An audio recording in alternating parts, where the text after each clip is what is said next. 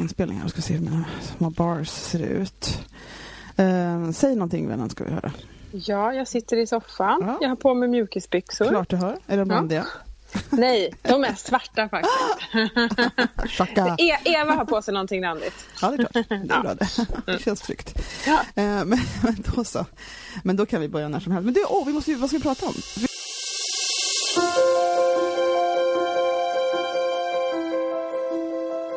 Välkommen till Magpodden. Här kan du lyssna på ett samtal mellan mig och en blivande eller nuvarande mamma om ett specifikt ämne. Ett nytt samtal kommer varje vecka på veckodagen som passar ämnet.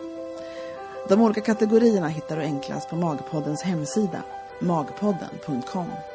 Där hittar du också porträtt på dem som jag pratar med här. För jag är porträttfotograf i Vasastan i Stockholm med speciell inriktning på gravida och nyfödda. I min studio har jag haft många fina samtal med mina kunder.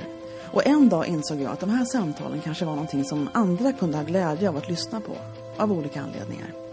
Och så kom Magpodden till. Jag heter Bodil Bergman Hughes och mitt företag heter Bergman Hughes Images. I övrigt så gillar jag saltlakrits, sköna soffor, roliga kvinnor, berg och dalbanor, sena kvällar, stora hjärtan, soulmusik och kaffe, bland annat. Nu börjar vi.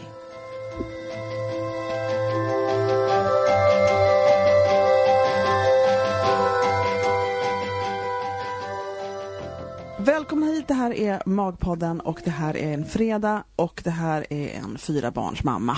Hej Anna! Hej, hej. Det var ju faktiskt så, till jag säger ett kort ögonblick, räknar jag fel, men nog har du fyra barn i det här läget. Alltså senast jag räknade dem så Ja. var de fyra Ja. stycken så det borde stämma. Då kan vi vara överens om det. Ja. Eh, och vi pratade också lite grann här innan att eh, det har lagt sig lite, du födde ju inte barn i tisdags typ, utan det här är några månader nu. ja, hon blir 14 veckor nu. Ja, Så typ tre och en halv månad Ja, skulle man väl kunna säga. Mm.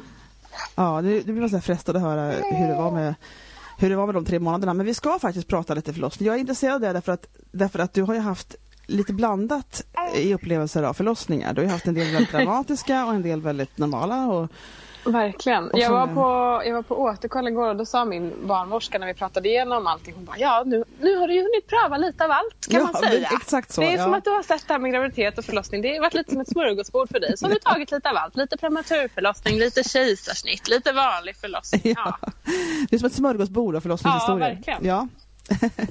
och, eh, och så är det ju. Så då, då tänkte vi, och det var ju många som följer dig på alla möjliga olika ställen, men jag hänger väl mest på Instagram eftersom jag är förbi barnvagn.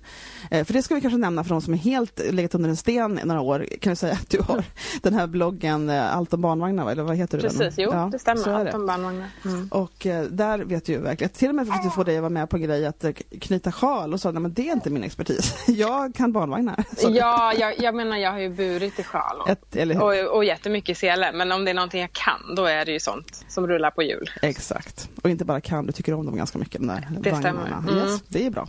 Bra kombo. Men nu ska vi faktiskt prata om din förlossning. Mm. För att eh, sånt gör vi här på Magpodden och så tyckte jag att det var så coolt när jag läste, det var det jag skulle säga, när jag följer dig på Instagram så var det ju, det, du körde ju din lilla förlossningshistoria på Instagram. Ja, jag gjorde det ganska snart efter Ja. att hon hade fötts. Jag, jag har gjort med alla har jag skrivit ner en berättelse för att Ja. jag vill komma ihåg. Och jag, jag vet hur snabbt man glömmer de Ja. där detaljerna. Ja, Eh, och, den, och så vet jag också att många som läste om när mitt förra barn föddes tyckte Mm. att det var lite roligt. Så jag kände att ja, men då kan jag dela med mig av det här. Det är klart man Också. kan, det är jättebra. Ja. Och så att, så det, det, det är det som är så intressant med sådana här överhuvudtaget kvinnoberättelser, så är det ju alltid folk som har glädje av att lyssna på dem. Så är det ju. Liksom.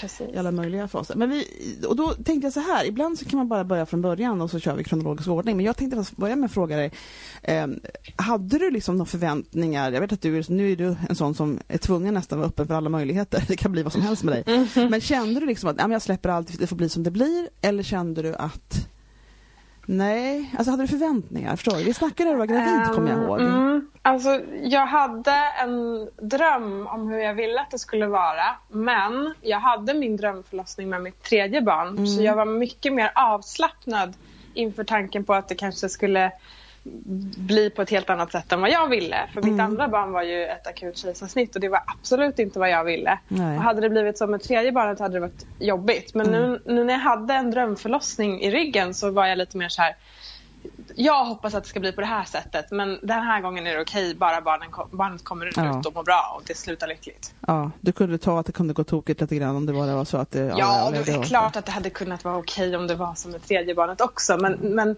jag ville liksom, jag hade en dröm om en förlossningsupplevelse och har man redan upplevt det en gång till så är det, var det i alla fall inte för mig lika viktigt att få Nej, göra det nej. en gång till. Och det var ju lite viktigt att få uppleva det någon gång för som sagt det var ju lite kris med de första två. Eh, Mm. och, och då vet jag att när du var gravid så kom du ju nära det här datumet, det här för tidigt datumet där de Precis. föddes de andra, åtminstone en av dem. Och, och när du gick förbi det så blev det lite lugnare med allting. Eller jag vet inte, blev det det? Ja, framförallt när jag kom förbi att det här fjärde barnet skulle vara fullgånget. Mm. För det var ju min upplevelse av att få barn för tidigt är ju att det liksom finns ingenting roligt med det. Mm, Även om graviditeten har avslutats lite tidigare så har jag inte känt att det har varit liksom någonting som ens nästan vägt över. Så Mm. att jag var väldigt glad när jag, när jag kom in i vecka 37 plus 0 även med Ja. den här bebisen. Men sen så gick jag ju lite längre än vad jag trodde att jag skulle göra. Det kommer inte jag ihåg, hur mycket längre det gick då? Nej, alltså jag var beräknad till 4 februari och Mm. hon, eh, min, min fjärde barn, min dotter Eva, hon är född på kvällen den 3 februari. Så att jag, jag har ju fortfarande aldrig ens tagit mig till beräknat datum. men, men när man har fött en månad för tidigt på de två första och Ja. åtta dagar innan med trean så var dagen före beräknat datum lite som mental övertid för mig. Ja, det är klart det var. Det förstår man ju. Mm.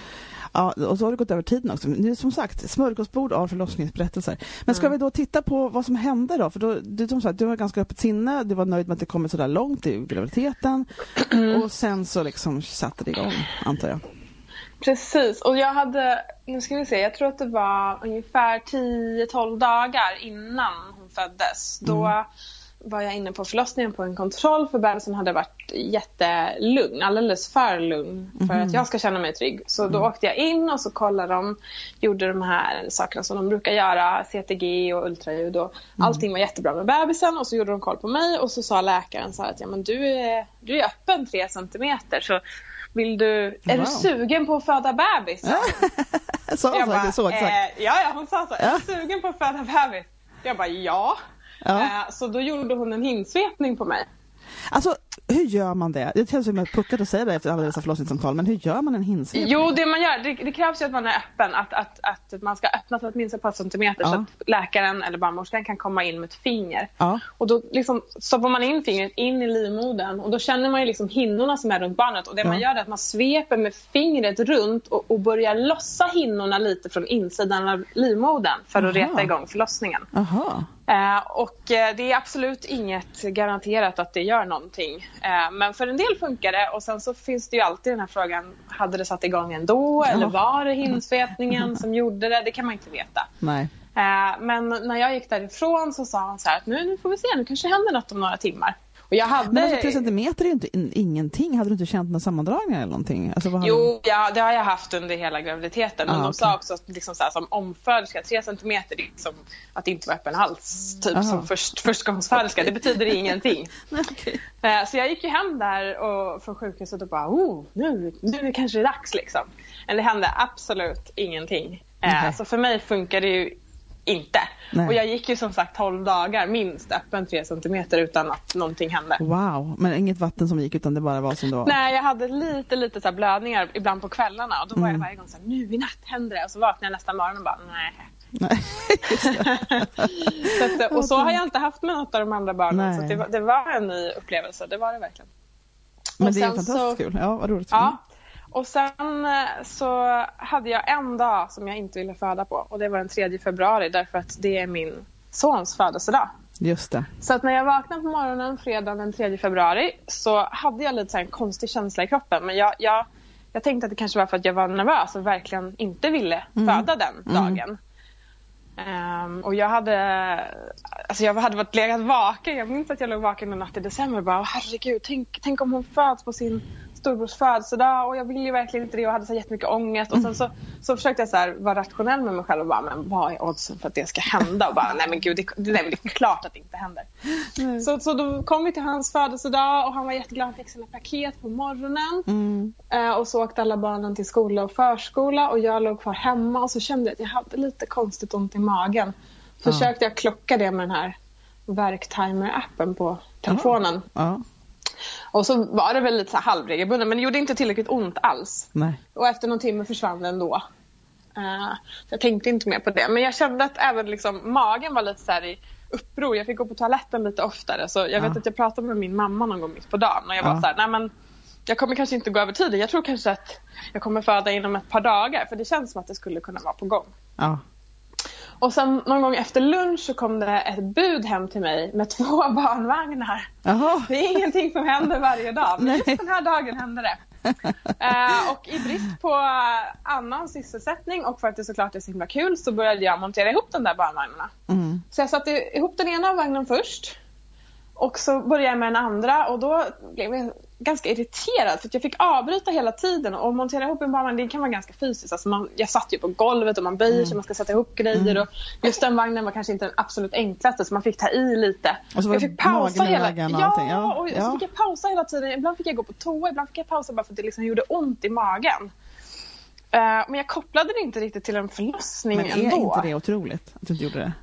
Ja, men, men jag har hört det, det var liksom, folk inte jo, tänker. men det var så det var liksom inga regelbundna verkar, det var ingenting man kunde klocka. Och efter att Nej, jag hade okay. satt ihop den där vagnen så la jag mig på soffan och försökte klocka igen. Men det var inte alls som det var gången innan jag födde barn, att man kunde så här, såg att det blev tätare och tätare Nej. gradvis.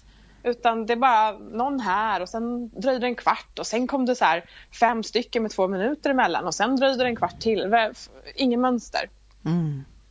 Eh, men det som hände var att det till slut någon gång vid fyra tiden tyckte jag att det började göra ont när de ja. kom. Ja.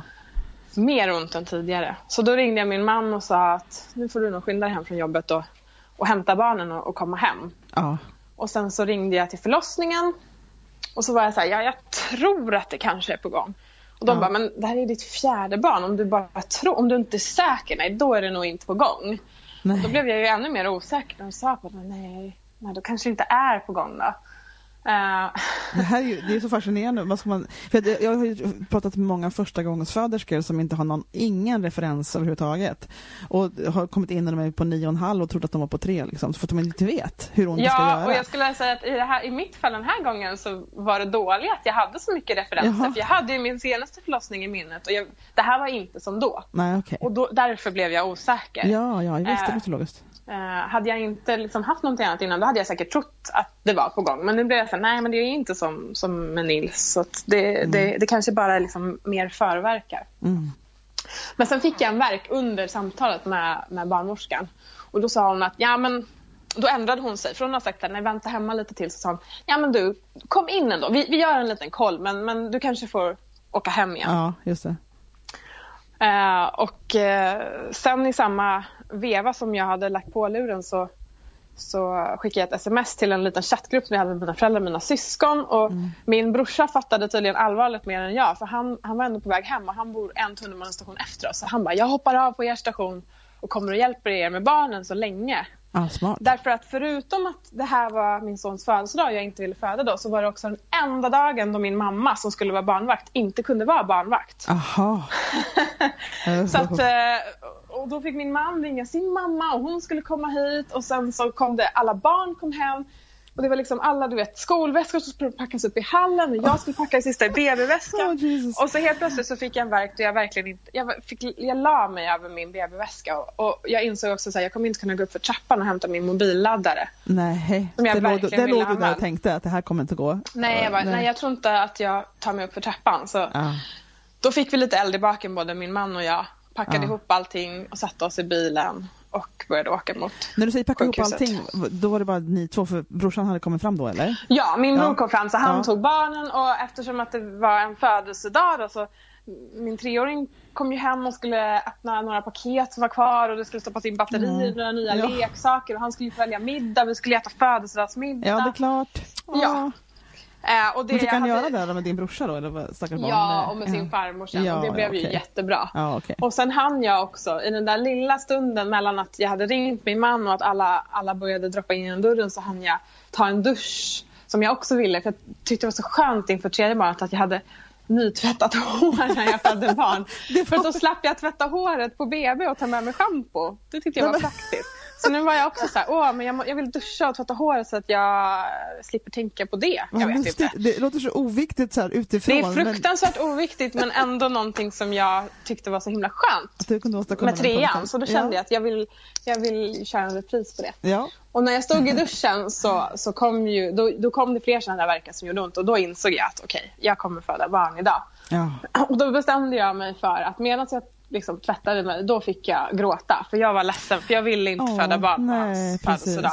Jag kände dagen. att jag skulle liksom ta uppmärksamheten från honom och vi har lite Ja. speciella så här, traditioner hemma så att man ska känna sig speciell på sin födelsedag. Hur, Ja. Jag kände bara hur ska vi kunna få två barn att känna sig speciella när vi har an, två andra barn som får vara, ha sina födelsedagar Ja. i fred. Ja. Så jag, jag grät lite där och sen så bestämde jag mig för att nej, men nu har jag sörjt det här, nu är jag klar med Ja. det. För Ja. jag tänker inte göra den här dagen till en sorgens dag utan jag ska få träffa mitt barn nu.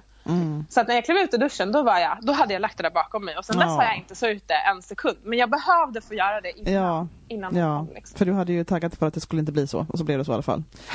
Ja, och det var ju, jag menar, för med facit i hand så jag om någon vet att det inte blir som man tänkt sig. Så jag Ja. förstår inte hur jag kunde Eller inbilla mig att jag skulle kunna bestämma vilken dag mitt barn inte skulle födas. Jag tror det är sådana här kvinnliga gener, vi vill kontrollera ganska mycket. Ja, Så- gud, och så mm. dumt. Så Ja. dumt, så dumt. Ja, okej. Ja, nej, och sen så åkte vi in till sjukhuset och det gick i alla fall ganska smidigt. Det är inte Mm. så mycket trafik en fredag eftermiddag. Nej, Hä? Eh, är det inte? Nej, Jag tycker det verkar nej inte in mot stan. Nej, just det, inte in mot Alla stan. åker ju hem. Yes, Så, så det det. gick ganska snabbt. Ja, och det skönt. kändes okej för min del. Jag tycker det är så... Jag, jag har så tydliga minnen av när vi åkte över Skanstullsbron och att jag tittar ut på alla som går hem från jobbet. Och Mm. jag bara tänkte nu ska de gå hem och typ käka tacos med sina barn och kolla på Let's Dance eller något sånt där. Mm, och vi ska föda barn, vi ska få träffa vårt barn. Det här är liksom en dag, vi kommer aldrig, aldrig glömma det här. Och de kommer aldrig någonsin komma ihåg den där fredag eftermiddagen. Mm. Nej. Det var bara en vanlig dag för dem. Ja, Det är så häftigt. Det är att det är liksom bara en häftigt. bilruta mellan det där stora för oss och en vardag för någon annan. ja, tänk att det är så. Ja. Och, och då tycker jag, nu- får jag snabbt jättemycket bilder när du säger sådär, för att det är det som också är grejen, liksom, att det här som ryms inom en människa, de här som man möter bara när man går förbi dem och det som finns, när man står vid, tunnelbanan, liksom, vad, är, vad är historien? Liksom, och det finns så mycket stort som pågår som man inte har en Jag aning vet. om. Nej, som man inte har en aning om. Men de om. som såg mig sitta där i bilen, de såg ju Ja, de såg väl ingen särskilt. En man och en kvinna i en stor jäkla minibuss. Ja, just det, var, var alla barnen. Det såg de in och köpte bilen tänkte de. Ja. Men vad spännande, ja så åkte du in då. Men visst var det någonting som hände? Var det, var det liksom lite bråttom då när ni åkte bil in eller? Nej, det var, det var helt okej. Jag kommer ihåg att jag, då skickade jag också något sms och så sa jag till min familj att håll tummarna för att hon kommer efter midnatt. Ja, eller hur? Och så pratade jag med Peter, min man, och sa så här, om hon föds typ precis före 12, tror du att man kan muta barnmorskorna och påstå att hon föddes dagen efter? Just det. Eh, och så pratade vi om hur, hur, om det fanns en möjlighet att muta dem, vad man mutar dem med och hur man skulle genomföra det. Men jag, i- innerst inne så visste jag att, att det handlade liksom inte, klockan var ju då kanske fem. Ja. Och jag visste att det finns inte en chans att jag fortfarande är gravid vid midnatt. Men, men Nej, jag hoppades. Liksom. Ja. Så kom vi fram till sjukhuset och skulle vi parkera och betala parkering. Alltså det är mycket sånt där. Det är praktiska Men hur, saker. mycket, även hur ofta hade du, verkat. du har hunnit så väldigt Ja, men mycket de, här, de, de och var fortfarande liksom, de kom lite ditten och dutten och, Ja, och okej. som för så många så tycker jag när man är på väg in så avstannar det alltid lite grann. Det är som att kroppen bara försöker ta en paus eller jag vet inte vad det är. Mhm. Eh, men det var inte lika mycket. Men däremot så fort jag hade gått ut ur bilen och jag väntade på att min man skulle betala parkeringen. Mm. Då fick jag en verk som jag tryck, tyckte tryckte på nedåt. Ja. Och eftersom att jag har en vän som har fött eh, på bänken utanför dörren till eh, Södersjukhuset BB så kände jag att det kändes inte bra. Alltså min magkänsla var verkligen att okej, det, men det här tryckte ju på lite. Det här känns lite konstigt. Ah. Så då blev jag lite stressad och så började gå själv uppåt Ja. Ehm, och sen blev vi efter lite strul med deras porttelefon stående där på parkeringen ett tag tillsammans med ett annat par som också hade verkar. Nej men. Ehm, men jag tror att det var deras första barn. För när barnmorskan kom ner så i princip bara föste hon undan dem med armen och tog tag i mig. Ehm, och bara, är det du som ska föda fjärde barnet? Bara, Ja. Du följer med mig. Så att Ni, de var ni andra här finns det en bänk till er, det kan ni ta. Ja, men då, hon, hon, faktum är att vi åkte hissen upp tillsammans. Sen pekade hon till dem. Receptionen är där borta och mig bara föste hon in i ett rum på direkt. Ja just det. Och då hade jag ju verkat så jag fick stanna på vägen. Men jag, det var fortfarande, ja men du vet, som en verk. Det gjorde ont och sådär. Men det var ingenting som inte kunde hanteras liksom. Eh, och sen eh, var jag ju väldigt glad att eh, bebisen hade stannat inne tillräckligt länge för de har ju byggt om på Södersjukhuset så vi fick ett stort nytt jättefint rum eh, där det också finns ett badrum med toalett i anslutning till rummet. Så har det inte varit förut där. Nej. Vi har ju fött alla mina barn där så jag har ju testat några olika rum. Eh, och eh, så jag han komma in där och jag hann byta om och jag vet att jag direkt ville ta med mina egna kläder. Eh, för att mitt första barn födde jag med mina egna kläder på för att det gick så snabbt i slutändan. Ja, ja. Och jag, det var så jobbigt att hålla på så här medan man krystar ta sig en klänning och en bh så att det ville Ja. inte jag uppleva igen. Nej, nej. Så jag tog av mig allting och satte på där sjukhusrocken. Eh, och la mig i Förlåt, sängen. jag måste bara hosta för jag får sådana hostgrejer. Ja, hosta. Det är typiskt när det är så spännande. Vänta. Av ingen anledning alls. Får se om det går. Vi måste pausa helt sen. Men det ska nog gå bra. Ja. Fortsätt Anna. Jo men jag, jag liksom gjorde mig hemmastad där kan man säga. Jag måste fråga en sak som kom på när du säger Oj jäklar. Mm. När du kom på det här när du säger om um, att du hade tänkt att du inte ville ha det som förra gången med kläderna och de där grejerna. Var det så att du hela tiden med olika såna här punkter i processen höll på att jämföra det med alla andra förlossningarna? Nu vill jag ha det så här för då hade jag då, så vill jag inte ha det så här för då hade jag då. Du vet så här. Alltså Fanns mer att så här, när man har, när, eller i alla fall jag kan inte tala för någon annan. men När jag hade fött tre barn så visste jag ju vad jag hade gillat och inte gillat med de förlossningarna. Och då när, man, när jag skulle föda mitt fjärde barn då var det ju lätt att plocka upp så här, ja men inför tredje förlossningen så duschade jag och hade nytvättat Ja, hår, det det vill jag. göra. Just. Och första, första förlossningen så tog jag på mig sjukhuskläderna för sent så det vill jag göra tidigt. Liksom. Så det, det var ju så att jag hade liksom det är Det, ju- det är liksom, det är sån här buddhistisk upplevelse över alltihopa det här. Det är som ett nästa liv så provar man lite bättre och så till nästa liv. Och Ja, här men- kör du liksom för förlossningarna och tar russinen ur kakan och försöker få det bästa möjliga. typ. Precis, och det är ju otroligt lyxigt att, att, att få ha den upplevelsen att Mm. ha fött barn tre gånger tidigare på olika sätt och veta vad man gillar och inte gillar. Ja, jag visste ju precis vad jag ville ha. Ja. Eh, och så var ju även resten av förlossningen. De, barnmorskan och undersköterskan kom in. De var helt fantastiska tyckte jag. Vi fick en jättefin kontakt. Mm. Eh, och eh, de, eh, de gör ju alltid en CTG-remsa först och sen gjorde de en koll på mig och då var klockan 18.00 ganska exakt. Och då Mm. var jag öppen 6 centimeter. Jaha. Eh, och vid det laget så, ja, det gjorde ont mig. Alltså jag, jag ville vara tyst och andas när jag hade verkar. Mm. Men eh, det var inte så farligt ändå. Tyckte jag inte alls. Och sen så sa barnmorskan, men vill du ha en värmekudde? Och så kan du få en saccosäck att lägga upp benen på när du ligger här i sängen. Ja. Så hämtade hon det till mig och så sa hon att ja, men ring om det är någonting. Sen kommer jag tillbaka om ett tag och, och kollar hur det går. ja, just det.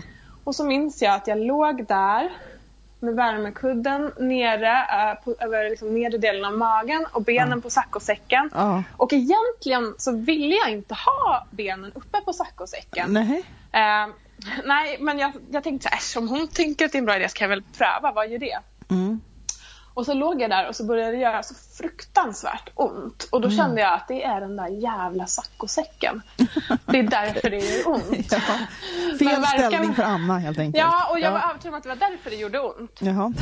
Eh, inte att det hade med någonting annat att göra, att jag skulle föda ett barn eller så, utan det var bara irriterande med den här saccosäcken. ja. Och sen så tror jag att jag hade en, tre verkar eller något sånt. Jaha. Ganska tätt in på varandra. Ja. Och så var klockan ungefär tio minuter över sex. Eller om den hade hunnit en kvart över sex eller något sånt där. Ja. Så fick jag en verk och jag kände under verken att, eh, att någonting hände. Jag kände hur jag öppnade mig på ett annat sätt. Liksom. Och överlag så måste jag säga att den här gången, fjärde gången, så kände jag inuti kroppen nästan som man kan känna saker utanpå kroppen. Jag vet inte om det var någonting speciellt eller om det bara är att, att liksom jag har lärt känna musklerna inne i kroppen bättre Ja. genom att föda barn. Ja. Men eh, jag kunde inte prata med min man under verken. Jag var tvungen att vara tyst och andas. Så, så fort den var slut så sa jag att nu måste du ringa på klockan. Nu, nu är det någonting som har hänt och barnmorskan måste komma in. Ja. Och så kom hon ganska direkt. Fast hon hade ju precis varit där. Det hade ju Ja. inte gått mer Nej, än tio minuter precis. sedan hon gick ut ur rummet. Och så sa jag att det hände någonting. Det kändes som att jag öppnade mig. Och då sa hon, ja, men lita på din kropp. Om du känner att du behöver trycka på nu så ska du göra det. Oh really? Men jag kände att, nej men gud, det går alldeles för snabbt. Det kan inte vara sant. Jag, det är jag som har känt liksom fel. Och jag, jag Ja. ville att hon skulle göra en koll. Ja. Och då sa hon att, men självklart gör jag det om du vill det. Och så sa hon att, jo men du är öppen 9 centimeter nu. Så det På går tio snabbt. minuter? Ja. Tre centimeter på tio minuter? Ja. Och det förklarar ju varför det gjorde ont. Det var Ja, inte men- sack och säcken utan Nej, det var att jag öppnade mig Det var ganska kroppen mycket. som öppnade sig, precis. Precis. Och så sa hon att eh, enda anledningen, men bebisen står lite högt upp. Och det är för att hinnorna är fortfarande hela. Jag tror att om du kan tänka dig att lägga dig på sidan så kommer bebisen sjunka ner. Och vid det här laget så hade... ner vart? Nu är jag så osäker Alltså på. längre ner så att den kommer så långt ner så det är dags Ja, att börja krysta. ja, liksom. För okej. Först ska man öppna sig helt, sen ska bebisen sjunka ner och sen kan Ja. man börja pressa ut den. Liksom. Men jag trodde liksom att här, varför skulle det hända bara för att det var på sidan? Förstår inte jag. Ja men det är lättare för bebisen att rotera för medan bebisen föds så roterar barnet Ja, så att den ska det. vara i vissa positioner och det är för att Det är sant. huvudet ska komma igenom kraniet. Så att när det ska komma igenom ditt bäcken tror jag då ska barnet liksom vara sidledes för att Ja. huvudet är ju som störst om du Ja. tänker från panna till, till Bak till, liksom ja. Så därför ska huvudet vara vridet för då är det liksom lite... Ja, det är, jag, är inte, jag är inte en barnmorska men jag vet att barnet ska vrida sig och det som Ja. gjorde det svårt för barnet att vrida sig var att eh, eh, som sagt fosterhinnorna var fortfarande hela och Ja. går i massa vatten och då blir ju barnet mycket större. Liksom. Ja, just. Så hon sa att kan du vända dig på vänster sida? Och då hade jag ju liksom, det var ju verka hela tiden. Jag var ju helt inne i mig själv och Mm. jag ville ju inte föda med, med smärtlindring utan jag vill ju föda genom att profylaxandas och då är det ju Ja. väldigt viktigt att man andas hela tiden för att inte tappa den effekten som det är. Så Okej. Jag kan ju inte prata när jag verkar för då får jag ju ont om jag inte andas Ja, rätt nej, längre. men precis. Andningen var jätteviktigt för mig också. Precis. Men hade du bestämt det eh, inför den här gången baserat på andra gånger eller hade du alltid haft det så här när du, alltså de gånger du, hade du alltid tänkt så att du inte vill ha smärtlindring på förlossning? Det tänkte jag inför första förlossningen också men Mm. då, då hade jag lustgas i de sista 15 minuterna för att jag Ja. trodde att jag skulle föda ett dygn till. Jag hade inte Ja. förstått att jag var så mycket öppen. Nej, och så nej. andra barnet var ju kejsarsnitt så då, då, Mm. då hade jag ju smärtlindring för de gick inte med på att skära upp magen. Ja, var det så? Ja, du ser. Nej, det var inte så att jag ville men jag, jag, jag, jag hade ju inget val. Det var ju Nej, därför det var en det. jobbig förlossningsupplevelse för mig för det var Ja. inte vad jag ville. Nej, exakt. Eh, och sen tredje barnet hade jag ingen smärtlindring så den här gången var jag liksom jag visste att jag inte ville det och jag visste Mm. att jag klarade det. Exakt. Eh, Men det gjorde ju också att så här, jag kunde inte prata under verkarna. Nej. Så att jag la mig på vänster sida och direkt när jag gjorde det så kände jag att det hände någonting igen. Ja. Så tydligt. Så jag ropade bara rakt ut, nu kommer barnet. Oh my gosh. Och det är, de hade frågat mig innan, så här, men har du något sånt här, eh, något sånt här förlossningsbrev eller förlossningsplan eller vad det heter. Och jag, Ja. har aldrig, jag har aldrig skrivit det för jag har aldrig sett någon poäng i det. Men den här gången hade jag fått något som en mall man kunde fylla i från barnmorskan. Så det hade jag Ja. gjort någon gång. Men jag sa att nej men jag har ett men ni behöver inte läsa det. Det enda ni behöver veta att jag vill att ni ska berätta för mig att barnet, hur barnet mår. Ja. Och att det enda ni behöver veta om mig är att, att jag vill inte ha någon smärtlindring. Så att, Ja. så att det är liksom... Så att, eh, Två och sen punkter, så, får räcka. Ja, och sen Ja. så lade jag till i efterhand där som jag tror inte jag hade skrivit i förlossningsbrevet. Jag vill föda på knä. Jaha. Så när jag ropade, när jag låg där på sidan och sa nu kommer barnet så sa hon Vill du fortfarande föda på knä? Ja det vill jag sa jag. Ja. Då sa hon, "Ja, men då, då måste du ställa dig upp nu för nu ja. kommer ju barnet. upp sängen sådär så du kunde stå mot Ja, precis. Ja, just. Mm. Och jag tror att som sagt det tog ungefär 10 minuter att öppna sig till 9 centimeter och sen så på nästa verk så trängde ju barnet ner. Ja. Eh, och då var klock- klockan kanske 20 över eller fem i halv. Ja. Eh, och så ställde jag mig till slut upp på knä och så fick jag en krystverk och så tryckte jag på och då gick vattnet. ja, just. Och den upplevelsen, mitt första barn startade förlossningen med vattenavgång och då var det så här mycket vatten. Det var Hollywood-plask ut på Mm. Ja, hallgolvet. Ja. Mm. Mm. Andra barnet så var det som sagt ett kejsarsnitt. Tredje barnet så tog de vattnet och det var väl en ganska liksom blygsam mängd, eller normal Ja. mängd. Men den här gången var det ganska mycket vatten. Ja. Så det, jag, upplevelsen var som att någon hade liksom kastat en vattenballong från taket. Det bara skvätte upp. Oh my gosh. Så alla liksom backade undan lite och bara okej. Ehm, och, eh, och, och sen så tror jag att jag krystade ett par tre gånger och sen så sa barnmorskan att eh, nu, nu, kommer ju, nu kommer barnet och du, så här, du kan trycka på lite mer. För jag var lite så försiktig för jag tyckte att det funkade så bra med mitt tredje barn. Och det var Ja. väl det här det var det här som var så skönt. Jag lyssnade på min barnmorska, hon var toppen men jag hade också en egen plan och jag visste Mm. att jag hade kunnat föda ut eh, det här barnet ungefär tio minuter tidigare än vad hon kom men jag ville liksom vänta ut och andas lite så att det liksom Mm. inte skulle gå för snabbt och så jag inte skulle spricka. Men så sa hon att "Men nu kan du ta i lite mer. Och så gjorde jag det. Och så förväntade jag mig att få den där känslan, den där brännande känslan när huvudet ska ut. För det var enda gången tyckte jag med tredje barnets förlossning som det gjorde riktigt ont när huvudet skulle komma ut. Mm, mm. Och sen helt plötsligt sa hon att nu är huvudet ute. Och jag minns att jag bara, men det gjorde ju inte ont. Ja. Det var mest som att under kryssnings, alltså öppningsfasen där, det gjorde ont. Men kryssningsfasen var mer som när man anstränger sig, när man är ute och springer och så Ja. sista sträckan när man bara är helt slut men man liksom Ja. tar i. Jag Ja. brukar försöka spurta sista biten bara för att verkligen kräma ur den sista. ja. eh, och ungefär så kände jag nu, men det gjorde inte ont. Nej. Och sen så kände jag, jag kunde känna bebisens kropp inne i mig. Huvudet var ju som sagt ute men jag kände liksom kroppen, jag kände armarna och benen röra sig. Menar du det? Det låter Ja. helt otippat. Det var, det var jättehäftigt. Nej men jag har aldrig känt det förut. Men jag, liksom, jag, jag minns liksom den känslan. Bara, men det där är hennes armar och ben. Jag kände liksom kroppen och armar och ben som trycktes mot hennes kropp. Otroligt. Och sen så fick jag trycka på lite till och sen kom hon ut. Och då var Wow. klockan 18.40. Så det var en timme och 20 minuter efter att vi hade liksom anlänt till sjukhuset. Mm. Och 40 minuter från att jag var öppen. Sex Ja, centimeter. tänk. För jag tänker så här, när du säger att du kände, för jag, som sagt, jag har ju aldrig klämt ut en bebis för jag blev ju akutsnittad. Mm. Men, men det här liksom att man, jag kan tänka att man fokuserar så mycket på att bara ta sig igenom, att det gör ont, man kommer så där långt så bränner det vad jag förstår, Mm. fire och sen så, Mm. och att man bara är fokuserad på att liksom ta sig igenom. Och jag tror, jag, jag tror Ja det vet man ju förstås inte, vi har inte gjort någon undersökning direkt, men det här med att känna, jag har ett barn här nere i mig. Alltså det här, för det gör man ju inte, ja det gör man i och för sig när de börjar sparka och trycka ut magen när de blir stora. Då kan man ju se, här var det en fot och här var det någonting annat. Precis. Men, men den där läget Men då känner du många- genom magen men jag har aldrig förut känt med musklerna i slidan. Jag Jag har aldrig, jag har aldrig kunnat använda dem Det är förut. galet alltså. Men Ja, det är det var så galet. häftigt låter det som. Ja, och den här gången så... Det, alltså det gjorde ont för mig att föda barn också. Det är nog Mm. det mest onda jag har varit med om de gånger jag har fött barn. Men Mm. jag tror fortfarande min mest smärtsamma förlossning var den första gången för då var allting så nytt. Och den här Ja. gången så, även om smärtan kom så var jag bekant med den. Jag var all, Ja. Det fanns ingen rädsla eller oro och jag visste att jag fixade det här. Ja. Så att jag, jag tänkte inte så mycket på att det gjorde ont. Och då Nej, tror okej. jag att jag hade möjlighet. Jag hade liksom Ja, jag uppfatta försökte- andra dimensioner kanske. Ja, men jag tror det. att du hade- Alltså, egentligen är jag inte alls en flummig person men Mm. när det gäller att föda barn så känner jag att jag, då är det mycket mindfulness. Och jag minns Mm. liksom från kryssningsfasen att barnmorskan och Peter pratar med varandra och Peter, min man, sa till barnmorskan att ah, Anna pratar inte när hon föder barn. Hon, och hon gör inga ljud. Mm. Liksom, för han ville kommunicera åt mig och det hade vi pratat om att han Mm. skulle göra. Ja. Eh, och jag minns att jag liksom hörde dem prata om det. Att ja, men vissa, vill, liksom, vissa föder tyst för de går in i sig själva istället Ja. för att gå ut. Och att jag, Ja. liksom, jag hörde ju allt de sa men samtidigt Ja. var det som att de liksom var i ett annat rum. Långt, långt, långt Ja, borta. det, och jag var i min kropp. Jag var inne i min kropp, inte utanför den. Nej, Och, och jag det. kunde känna liksom det, jag tyckte det var fruktansvärt... ah, Gud, det låter ju så...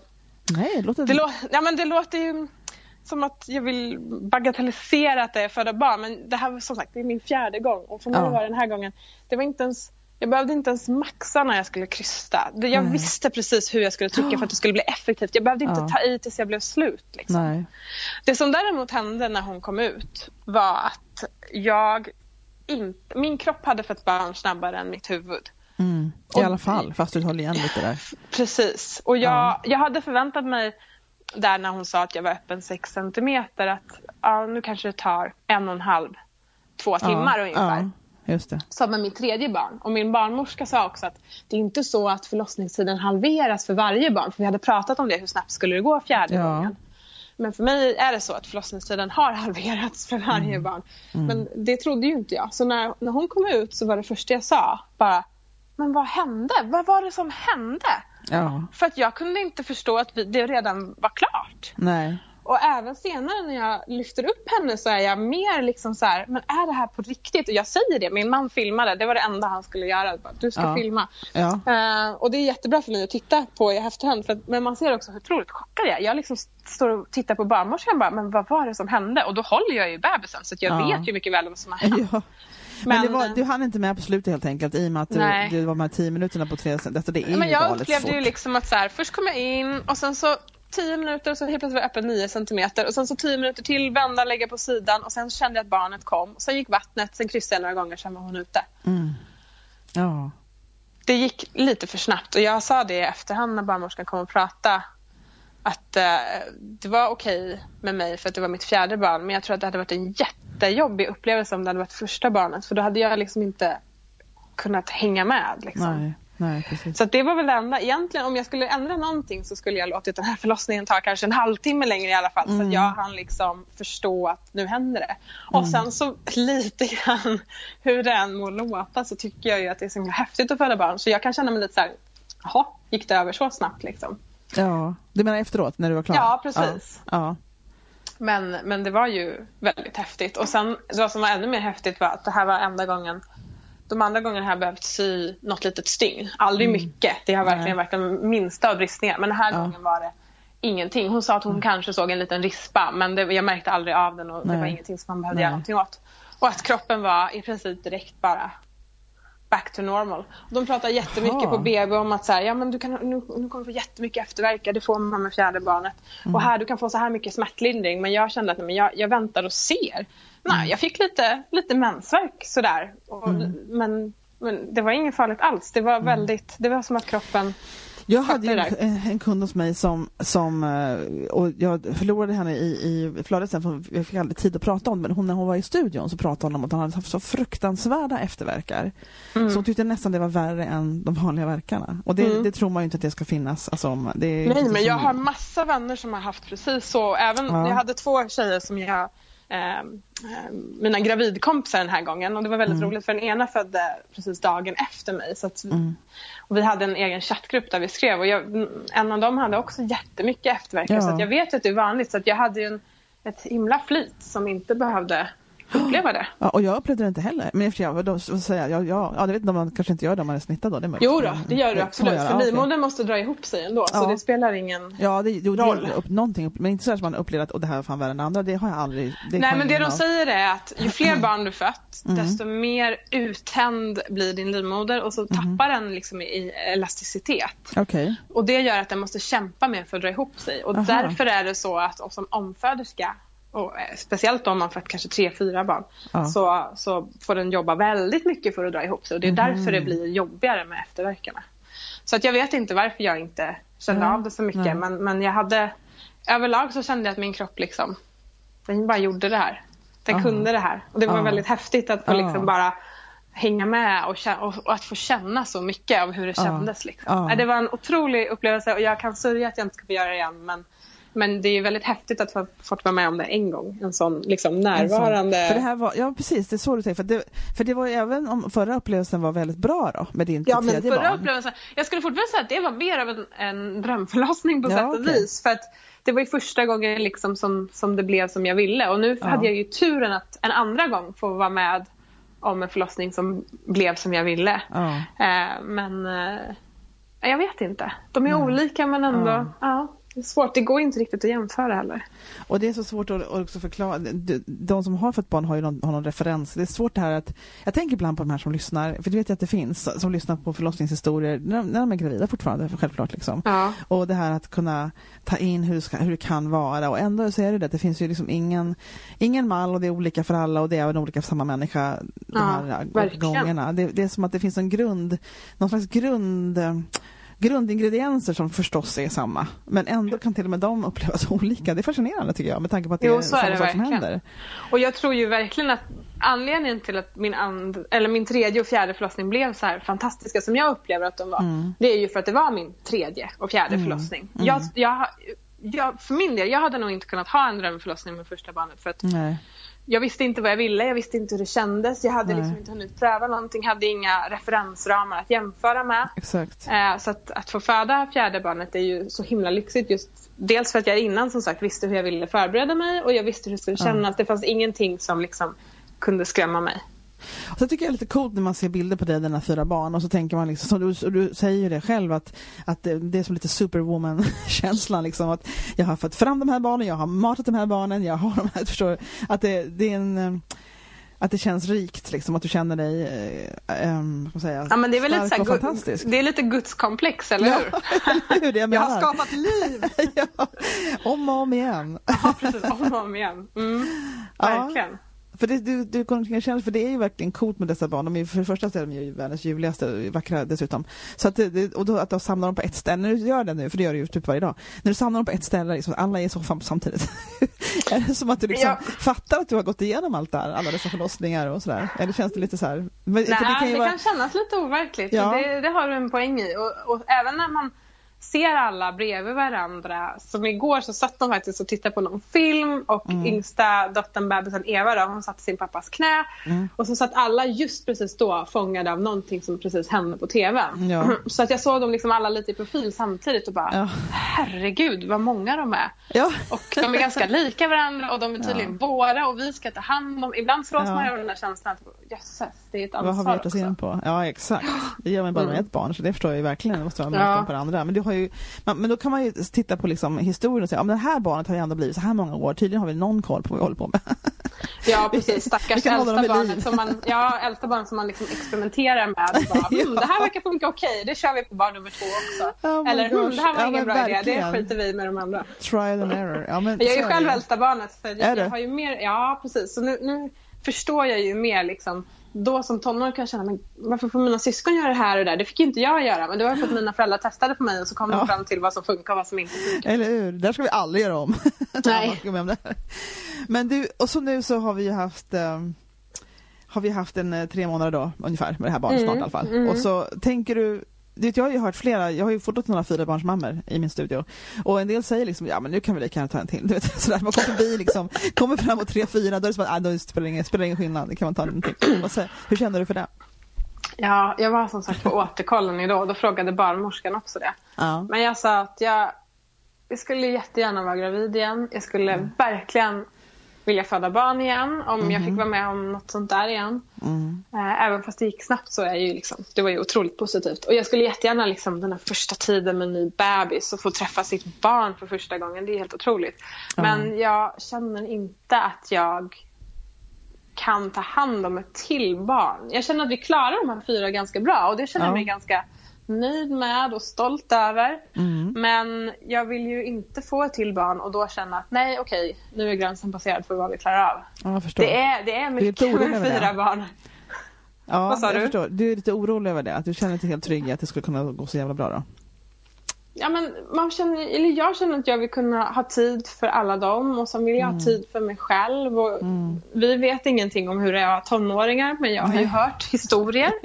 Ja. Eh, och eh, jag, jag satt och räknade på det i morse. att Någon, en period kommer jag alltså ha en 19-åring, en 17-åring, en 14-åring och en 11-åring. Wow. Eh, Ja, och det känns ju liksom maffigt. Ja. Eh, men Så. min barnmorska sa att, hon sa, men hur gammal är du nu igen? Och sa att jag är 31.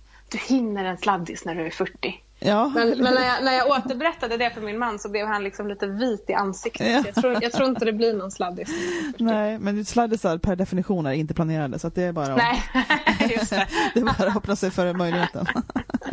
Det är det som är så intressant för jag har ju haft, eh, jag skrattar åt mig själv faktiskt för att jag har haft ett par stycken väldigt unga mammor hos mig eh, i studion och då, och då var det en av dem specifikt, jag fick för mig, alltså då det här är bara fördomar, då tänker man att det här var inte så jävla planerat. Det, är sådär. det var ni som var Mm. 19, 19 år och en var till och med yngre. Eh, men, eh, men då var det intressanta att, att de här, jag har haft tre stycken tror jag som har det här fjärde barnet och det är en sladdis verkligen. En som hade en 21-åring hemma, en som hade en 18-åring hemma, alltså, och två, mer än en också bara. Eh, och det var så totalt oplanerat. Men den här lilla unga kvinnan, det var urplanerat. Det var liksom som att vi skulle ha barn, vi, alltså vi är sambo. Så man vet aldrig och, och det verkar som att sladdisar just, de är inte sådär jätteplanerade. Nej, du har säkert en poäng Ja. i det. Men jag har Ja. alltid känt, det är väl därför vi har fått nu eh, fyra barn på ganska exakt åtta år. För att jag har känt att jag vill ha den här storleken på familj men jag vill Ja. också och jag tycker om småbarnsåren men jag kan också se fram emot den dagen då vi har lagt det bakom oss. Ja. Och nu, jag tycker alltid att det är otroligt mycket jobb med en bebis. Alltså det, är, det är krävande. Det här, Ja. Speciellt första halvåret. Det är inte, jag tycker inte det är så jätteskoj. Alltså det är fantastiskt att få vara med sitt barn och allt det där. Men man är ju så, Ja, men det är bra att du säger det. För att, det är därför jag tänker att vi ska ta en lite mamma måndag med dig. För att det, det är det som jag säger till alla. Liksom, att det, det, är väldigt, det är bra att du nämner det, därför att det är nämligen så för alla. Det vet ju Anna.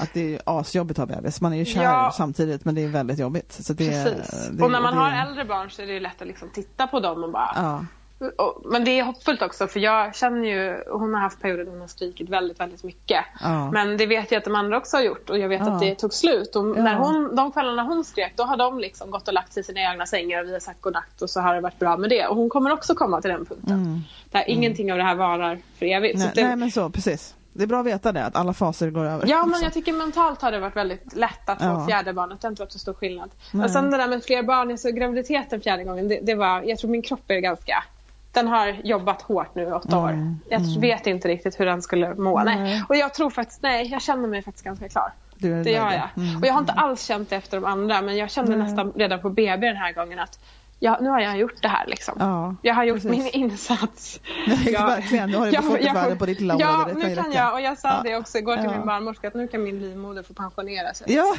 Hon har jobbat hårt, hon har gjort ett superjobb men nu, nu ska hon få liksom chilla.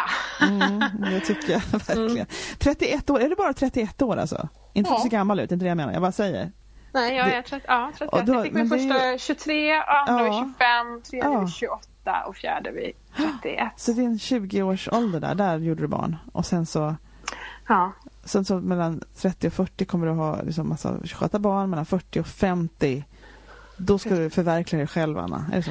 Ja, alltså, jag har jobbat jättemycket som, som barnflicka innan jag fick barn själv. Mm. Och, eh, då satt jag väldigt ofta barnvakt eh, eh, åt föräldrar som var i 40-årsåldern. Och Mm. ofta, gick, ofta så var det just när de skulle gå på 40-årsfest som de unnade sig barnvakt. Jaha. Och de kom hem sent på natten och de Ja. hade haft väldigt roligt. Så Ja. jag ser fram emot de där 40-årsfesterna. Ja, och det känns det. ganska trevligt att mina barn de är ju typ så här 17 och 15 och 12 och 9 år Ja, gamla då. då Så de kan ju klara sig själva. Ja, men man kan Ja. väl betala den äldsta för att ta hand om de yngre och så kan jag och min man få gå ut och festa. Ja, så får det För bli. det har jag inte gjort så mycket eh, de senaste 10 åren. Nej, just det. Nej, har Så det kan jag göra i framtiden om jag nu Ja. skulle vara sugen på det. Det är jag inte säker på. Det tror jag det kommer. Det blir kul. Men du, vad kul att höra det här och jag är så lycklig för din skull att det gick som en dans det här fast det var lite snabbt och slutet och det får vi ju ändå erkänna som summering. Men eh, att det blev bra allting och att det är bra med bebisen, för det är det ju. Jo, så känns det. Det känns Mm. liksom som att jag, jag kom i mål och allt har gått bra. Det är, Ja. väldigt, det är liksom en lättnad. Det är väl det som också gör det lite enkelt att, känna, att titta tillbaka och känna att det är en Ja. avslutad del. För jag är ändå väldigt tacksam för att fastän jag liksom haft de här akutsnitten och Ja. för tidigt födda barn så har det slutat. Summeringen blev Lyckligt. bra. De satt där i Ja. soffan och såg friska ut allihopa. Precis. Det är det, liksom någonstans. Ja, jättekul. Tack så mycket för din historia. Vad bra att du har fört anteckningar och just varit på återbesök. Då blev det ju extremt levande med detaljerna här. Det är vad vi vill ju. Ja, men nu vet inte jag om jag är udda här men jag skulle kunna återberätta vilken som helst av mina förlossningar ganska exakt i detalj. Nej men det kan vara så. Alltså jag inbillar mig någonstans, jag minns väl en hel del jag med egentligen och, och det är fan, det är 12 år sedan. liksom. Men eh, exakta kanske tidpunkter när allt händer som jag ibland frågar om lite för mycket, det kanske man inte har koll på. Nej, men, nej, men okej, liksom- klockslag men och liksom sånt där. Och om du skulle fråga mig så här, vad, exakt hur långa alla Ja, barn var exakt. och sånt där. Nej, men Nej. liksom mina egna känslor och Ja. upplevelser, det tror jag, det kommer jag aldrig glömma. Nej, och för Det- mig känns det som, sånt där- när jag ser tillbaka på det så, jag håller inte på så länge jag heller, jag kom in och blev igångsatt då, då.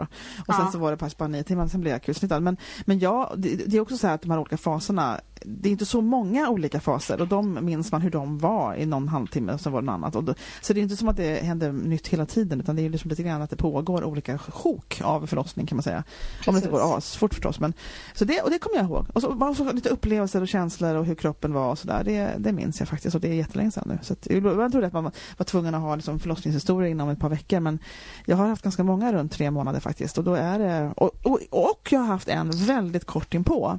Och då kan det ibland bli så att de nästan kommer lite vilse i historien. Ja, det har inte hunnit landa. Man är i Nej. den fortfarande på den vänster och då blir det inte så tydligt. Alltså det är konstigt, jag får leda dem mycket mera i samtalet för att komma vidare och sådär. Man är fortfarande inne i sin bubbla, nästan förlossningsbubbla om man inte får lägga lite tid emellan. Verkar som. Det har du nog rätt i, men i långa mm. loppet, du vet att man brukar säga om att så här, innan man dör så ska livet passera i revy mm, på något sätt. Mm. Och, och, om det är så, om det är så att mm. sekunderna innan jag dör så ska jag få se hela mitt liv. Ja. Eh, då tror jag definitivt att mina förlossningar kommer vara med där. Just stunden ja. första gången man fick träffa sina barn. Det, ja. För mig är det liksom livsminnen. Eh, och det är nog därför jag inte har något problem att, att, berätta om dem. För att de ligger liksom där. De är lagrade på extra viktigt-hyllan. Liksom. Jag förstår. Ja men visst är det så. Visst är det så. Vad roligt. Ja, vad kul. Det är alltid kul att snacka med dig, Anna. Nu har du varit med några gånger. Jätteroligt. Ja. Men då, vad händer nu då? Bebisen är knäpptyst. Vad hände? Somnade hon om eller? Alltså jag bär henne på min höft och nu ja. hänger hon dubbelvikt över min arm så jag tror att hon har somnat. Hon jag har inte vågat titta efter. Nej, Tittar man okay. efter så vaknar de. Det har jag Ja, så är det. Det är som, mm. det är som, som jag säger, partiklar och vågor. Tittar man så blir det något annat. Ja, precis. I fysiken. Ja, ja. Hörru du, tack så jättemycket igen. Tack så hemskt mycket. Och, och så får jag ta och hetsa hit dig igen när det gäller något annat ämne. Men det, vi har ju mycket att prata om. Du har ju mycket att berätta om. Så, så det får bli så. Vi får bestämma det, för det redan nu. Ja. ja. tack och hej då. Hej. Tack för att du kom hit idag och lyssnade på Magpodden och på Anna och mig när vi pratade om hennes fjärde förlossning. Det är väldigt roligt att se att det är mycket människor som hittar fram till Magpodden på, på hemsidan. Jag eh, vill bara säga till er allihopa att det är det är skönt för mig att veta att det tydligen är någon nytta och någon glädje med Magpodden. Och jag vill ju att fler ska hitta fram så att jag skulle vilja att om du tycker att det här är bra så, så kan du inte gå in på iTunes och hitta Magpodden där och så kan du lämna ett, ehm, en kommentar om Magpodden. Ju fler människor som har någonting att säga och det spelar ingen roll, man kanske är upprörd och tycker det här var det sämsta ever. Eller man tycker att det här var någonting som var riktigt bra att få hitta fram till. Vad du än tycker så är jag tacksam om du tar tid att skriva en kommentar, en, en betygssättning på iTunes. För ju fler sådana jag får, ju fler andra kvinnor kommer att hitta fram till Magpodden på iTunes till exempel. Så att eh, det vore jag jätteglad för. Eh, ha en fantastiskt fin vecka och en helg som det kommer att bli nu eftersom det här var en förlossningsfredag. Och så ses vi igen. Hej då!